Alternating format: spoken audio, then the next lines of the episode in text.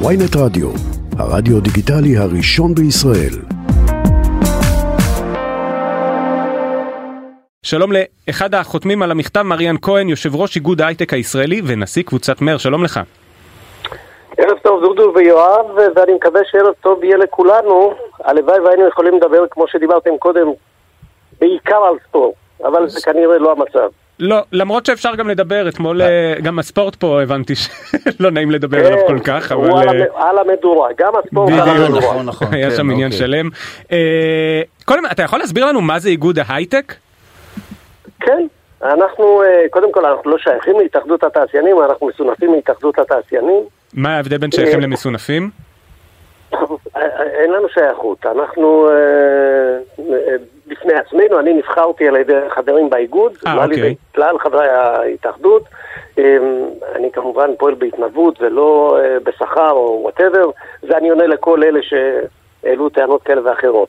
מבחינתנו אתה יכול להרוויח כסף, זאת אומרת, אנחנו, אין אין לנו שום בעיה. אנחנו, אנחנו פועלים בימים אלה בעיקר כדי לא להפסיד כסף, כדי שכולנו לא נפסיד כסף ושלא נפסיד הרבה כסף. אה, אנחנו מדברים על האינטרס הכלכלי של מדינת ישראל בכלל, של תעשיית ההייטק בפרט. ו... רגע, אבל יש אה, חברות באיגוד הזה והן בוחרות בך לייצג אותן? כן, ממש כך. אוקיי. נבחרתי על ידי אה, החברות באיגוד, ויש כאלה שהן לא חברות באיגוד. אה, תעשיית ההייטק היא התעשייה שמבחינת כמות החברות היא התעשייה הגדולה ביותר, ולא כולן החברות אצלנו באיגוד. אני, ו- אני, אני אתן רק כמה שמות כדי שנוכל רק להבין סדרי גודל, זה באמת שאלה... זה לא חשוב, עזוב, עזוב. אתה לא דודו. יודע להגיד לי אם למונייד אצלכם, וויז, מאנדיי, החברות לא- הגדולות אני- האלה? אני, תקשיב, אני לא רוצה להיכנס לזה, משום שברגע שהם יגידו, אז אוקיי, אז אנחנו מייצגים אותם או לא מייצגים אותם. אני, אני מודה שאני כן דעתו. מנסה להבין רגע, בגדול רגע, כמה אתה רגע, מייצג, רגע, אוקיי? רגע. אנחנו לא באים עכשיו לדבר האם אנחנו מייצגים את דעתו הפרטית של המנכ"ל הזה או של המנכ"ל ההוא או של בעלי המניות האלה או של בעלי נכון, המניות האחרים. נכון. בסדר? ולכן אני חושב שזה לא, לא נכון להתייחס לזה, ואני גם אומר מראש, כדי שזה יהיה ברור, לכל אחד מותר שתהיה לו את הדעה שלו, וזה בסדר שהוא יבטא אותה, וגם שיפעל בהתאם למה שדעתו שוב, אני לא. אלחץ עליך, אני רק כן אומר שכשאתה כותב מכתב, פשוט נשאלת השאלה כמה substance צריך לתת לו, כמה leverage יש לך, כמה כוח אתה מייצג, וזה, לזה נוקבים בשמות, זה הכל. אני, יכול להגיד לך משום שאם נתחיל להיכנס למספרים אז אה, זה, כל, ה, כל השיחה הזאת תלך אוקיי, לכיוון אחר. בסדר, אין בעיה, אבל נתקדם. אם מתוך כמעט 400 אלף אה, מועסקים בתעשיית ההייטק בארץ, בוודאי שמעל 60 או 70 אחוז מיוצגים אצלנו באיגוד. אוקיי, זו תשובה, מאה אז. עכשיו, ואני לא רוצה עכשיו לבוא ולהגיד, רגע, אבל כמה גייסו בשנה האחרונה, כמה בסדר, גייסו אין בשנתיים בעיה, שלפני. קיבלנו 60-70 אחוז, זורם איתך, על הכיפאק. אז, אוקיי, אז אז- עכשיו, אוקיי, בוא נדבר על המכתב. רק תן לי באמירה מה ביקשתם במכתב. דבר אחד פשוט, אנחנו אומרים שאנחנו נמצאים במצב חירום לאומי ואני בכלל אה, הצעתי שנקרא לזה צו 8 שצו 8, כשיש מצב חירום, קוראים לאנשים להתייצב ולמלא אחר המשימות, אחר ההתחייבויות שלהם. יש התחייבות למנהיגים שלנו לפעול לטובת מדינת ישראל ולטובת עם ישראל. זה הרגע עכשיו. אוקיי. לא בעוד חודשיים, לא בעוד שנה. אבל אומרים לך, יש פה הרי שני צדדים. צד אחד כל הזמן אומר, אני מוכן לדבר. הקואליציה אומרת, אני מוכנה לדבר. האופוזיציה אומרת, אני, כדי שתוכיחו שאתם רציניים ולא רק משתמשים בי כדי להלבין את הרפורמה הזאת, תעצרו את החקיקה. זה הוויכוח. עכשיו, ברגע שאתם אומרים, בלי תנאים מוקדמים, אתה לא חושב שאתם לוקחים פה צד? ולראיה, ולראיה, הקואליציה מיד הסכימה איתכם ואמרה, אנחנו מאמצים את זאת מה אומרת, שאתם כי הם אומרים. לא הציבו תנאי מוקדם, זה- זה- זו הכוונה? ש- כן? אני, יכול להקל עליכם, אנחנו לא, לא מייצגים לא את הקואליציה ולא את האופוזיציה, ממש לא. לא, ברור שאתה לא מייצג, אבל בזה שאתה אומר, תיפגשו בלי לא תנאים מוקדמים, אתה לוקח צד. ולא מדבר בשמם. ברור, לא. אני רק מה אומר, אנחנו אבל- אומרים? כן. התנאי המוקדם הוא, אחד, לבוא, לשבת ליד השולחן עכשיו. יש לנו עכשיו הפוגה מסוימת, יש לנו עכשיו חמישה ימים שבהם אין פעילות לכנסת. אני מעריך שגם בשבוע הבא, אם אני מבין נכון, גם בשבוע הבא אין פעילות אה, חוקתית כזו או אחרת בכנסת.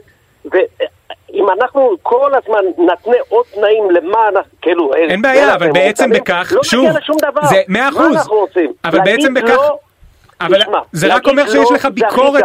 אין בעיה, אני- מאה אחוז, אני רק מנסה להבין את עמדתך, אבל אני כן מבין שאתם כרגע מבקרים את האופוזיציה על כך שהיא מתעקשת לא לשבת בלי תנאים מוקדמים. אנחנו לא מבקרים אף אחד, זאת קריאה, אנחנו לא מבקרים, אנחנו באים ממקום של הפוך, לקרוא להם לשבת ליד השולחן. לא, אבל אתה מבין שלדיבור, להגיד צריך לשבת ולדבר, על זה כולם מסכימים איתכם. השאלה היחידה, לא רק שהם לא עושים את זה. נכון, כי יש שאלה על אומרים התנאים. כן, אומרים נכון. כן, אבל מתכוונים שלא. תראה, מה יכול להיות? הדבר הכי גרוע שיכול לקרות, זה שבעצם לא יסכימו לבוא לשבת. אז לא יבואו, לא ישבו, יעברו עוד יומיים, יעברו עוד שבוע, יעברו עוד שבועיים. ואז מה יקרה? נהיה במצב יותר טוב? לא, אז מה שהאופוזיציה אומרת לך זה שהם בכל מקרה מתכוונים להמשיך עם החקיקה ו- ועוד פעם ולראיה הם ממשיכים ואין להם שום בעיה והם גם אומרים מראש אנחנו נעביר את הרפורמה גם עם קצת שינויים תהיה את הרפורמה והם אומרים לך הם מבקשים להשתמש בנו באופוזיציה כדי להראות שהם כדי להלבין את זה להראות שהם ניהלו תהליך אבל בסוף תצא הרפורמה הזאת בדיוק כמו שהם רוצים כלומר מתייחסים אלינו סתם בתור קישוט. אני- בסדר, אפשר לא להסכים איתם, אבל זו הטענה אני מבין שלהם. שאתה רוצה בכוח להכניס אותי לוויכוח פוליטי שאני לא נמצא אני אומר. שבכוח אתה נכנסת אליו. צריכה להיות אחריות, והאחריות הזאת היא פשוטה. צריך לפתור את המצב החמור שאנחנו נמצאים בו. צריך למנוע את הצעד הבא. הצעד הבא הוא עוד יותר גרוע. אנחנו שומעים היום דברים שלא שמענו מעולם. מעולם במדינת ישראל. כמו מה? 75 שנה לא שמענו דברים כאלה. בסדר? עזוב, לא רוצה לחזור עליהם, כי אז אוקיי. יגידו לי שאנחנו אוקיי. אנחנו, מנבאים נבואה ש, שתגשים את עצמה. לא זהו, רוצה אז השאלה, זה. אז השאלה שלי, האם אתה חושב שהבעיה עם התוכנית עצמה, או שהבעיה עם הדרך שבה מעבירים אותה? כלומר, ה- מה, מה גורם לפחד הכלכלי הזה, שגם אני מבין שאתה, יש לך אותו? בוודאי. אני- יש לי, יש לי פחד כלכלי ופחד חברתי. ממה? אנחנו נמצאים, אנחנו מתמודדים עם שתי בעיות גדולות. הבעיה הראשונה, ואני אומר את זה לפי הסדר, היא הבעיה החברתית, משום שנוצרים פה פערים, תהומות ושסעים, שיהיה קשה לגשר עליהם, וככל שהזמן עובר, השסע הזה הופך להיות גם עמוק יותר וגם רחב יותר. אז קודם כל אנחנו צריכים לטפל בבעיה החברתית. ושתיים, התולדה ממנו עלולה להיות, ודברים שכבר מתחילים אולי להיות יותר משמעותיים ויותר קוראים, זה הבעיה הכלכלית. אנחנו לא רוצים לראות את זה מתפוצץ עלינו כדי שנגיד, וואו, חבל שלא טיפלנו בזה לפני חודש. אנחנו אומרים, בואו נתיישב עכשיו, תדברו על זה, תגיעו להסכמות כאלה ואחרות. אני לא אומר מה ההסכמות, הם צריכים להחליט מה ההסכמות ביניהם. לא, עכשיו, להגיד לא, אני אומר עוד פעם, להגיד לא זה קל, זה קל.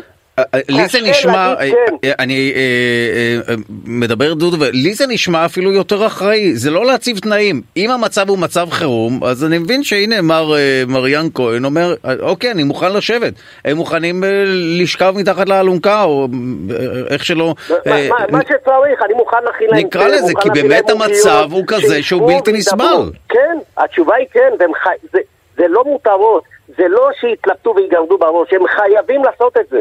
חייבים לעשות את זה עכשיו, בשביל זה הם מנהיגים. לא, אבל מאיזה סיבה הם לא יושבים איתם אז? אם, אם אין שום סיבה לא לשבת לדבר, יש האם האופוזיציה אין? לה איזשהו רווח פוליטי מזה שיש שמה, איך הוא בלאגן? מתרגם? שוב, אני שואל, אני לא אומר, המטרה ו- שלי לשאול, יש אבל גם, מה- אני, אני גם מבין את מה לא, שמריאן להיות, אומר פה, יכול להיות שקדימה שבו ותדברו כבר. זה משחק של צ'יקן, לצורך, אבל למה זה שה- צריך להיות משחק של צ'יקן? כי אה, הצד השני, שוב, לט- לטענת האופוזיציה, הצד כן. השני לא מפסיק. הוא ממשיך עד הסוף, והוא גם מראש הכריז שזה המטרה שלו. אבל אתה לא יכול לכפות עליהם את התנאי הזה, אז עד- מה שאתה יכול לעשות, שוב, להפעיל- ועוד פעם, הטענה של האופוזיציה שהמחאה הזאת כן בדרך להצליח, וזו בדיוק השאלה, האם היא תצליח, או שצריך בכל מקרה, שוב, אני דווקא, את הדעה שלך בשבוע שעבר כן צעקתי פה, שכשמצמידים לך אקדח לראש, אז תדבר כי יראו בך.